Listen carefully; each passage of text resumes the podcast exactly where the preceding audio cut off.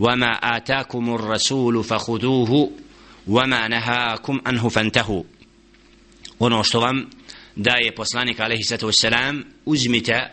a ono što vam zabranjuje ostavite znači iz ovoga vidimo naredbu stvoritelja subhanahu wa ta'ala u objavi Kur'an Kerima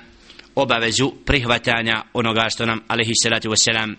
znači naredi i dadne od naredbi a istovremeno obavezu ostavljanja svega onoga što alaihi sallatu wassalam zabranjuje tako smo naveli prvi hadis vezan za svojstva Allaha subhanahu wa ta'ala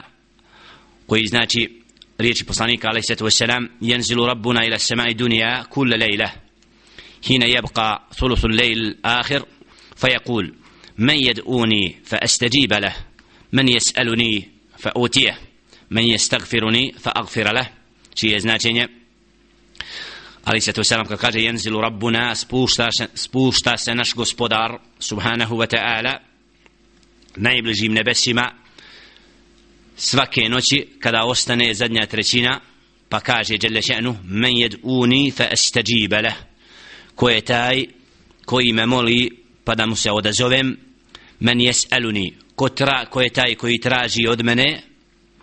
pa da mu dadnem men jestagfiruni ko traži oprost od mene, od mene pa da mu oprostim. Znači ovdje ahlu sunna wal džema'a u ovom hadisu ima dokaz da Allah subhanahu wa ta'ala se spušta svake noći u zadnjoj trećini na najbliža nebesa. I da je upravo pravilo da vjerujemo onako kako je obavijestio alaihi salatu wasalam ne približavajući da taj tekst mijenjamo određenim drugim značenjima kao što su ahlu ta'wili oni koji su tumačili znači hadis nekad svojim slobodnim razumom stavljajući značenje koje nije došlo u samom tekstu. Tako da ovdje oni koji su rekli da se spušta Allahova milost ili slično tome znači tekst je sasvim jasan i koji potvrđuje da Allah subhanahu wa ta'ala se spušta u zadnjoj trećini svake noći na najbliža nebesa i žele še'nu upravo odaziva se onima koji ga mole koji traži od njega koji čine istikvar i traže oprost od stvoritelja subhanahu wa ta'ala. Allah subhanahu wa ta'ala posebno u toj zadnjoj trećini noći znači žele še'nu znači odaziva se svojim robovima i ukabuljuje njihove dove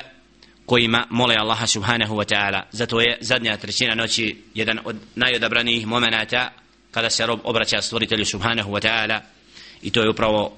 namasko vrijeme salat il-vitri vremena u kome se klanja salat il-vitri i upravo tada se obraćamo Allahu subhanahu wa ta'ala pred zoru. I zato taj moment upravo ovaj hadis poslanika alaihi sato wasalam potvrđuje znači da ima posebno mjesto u ibadetu i pokornosti Allahu jednom subhane.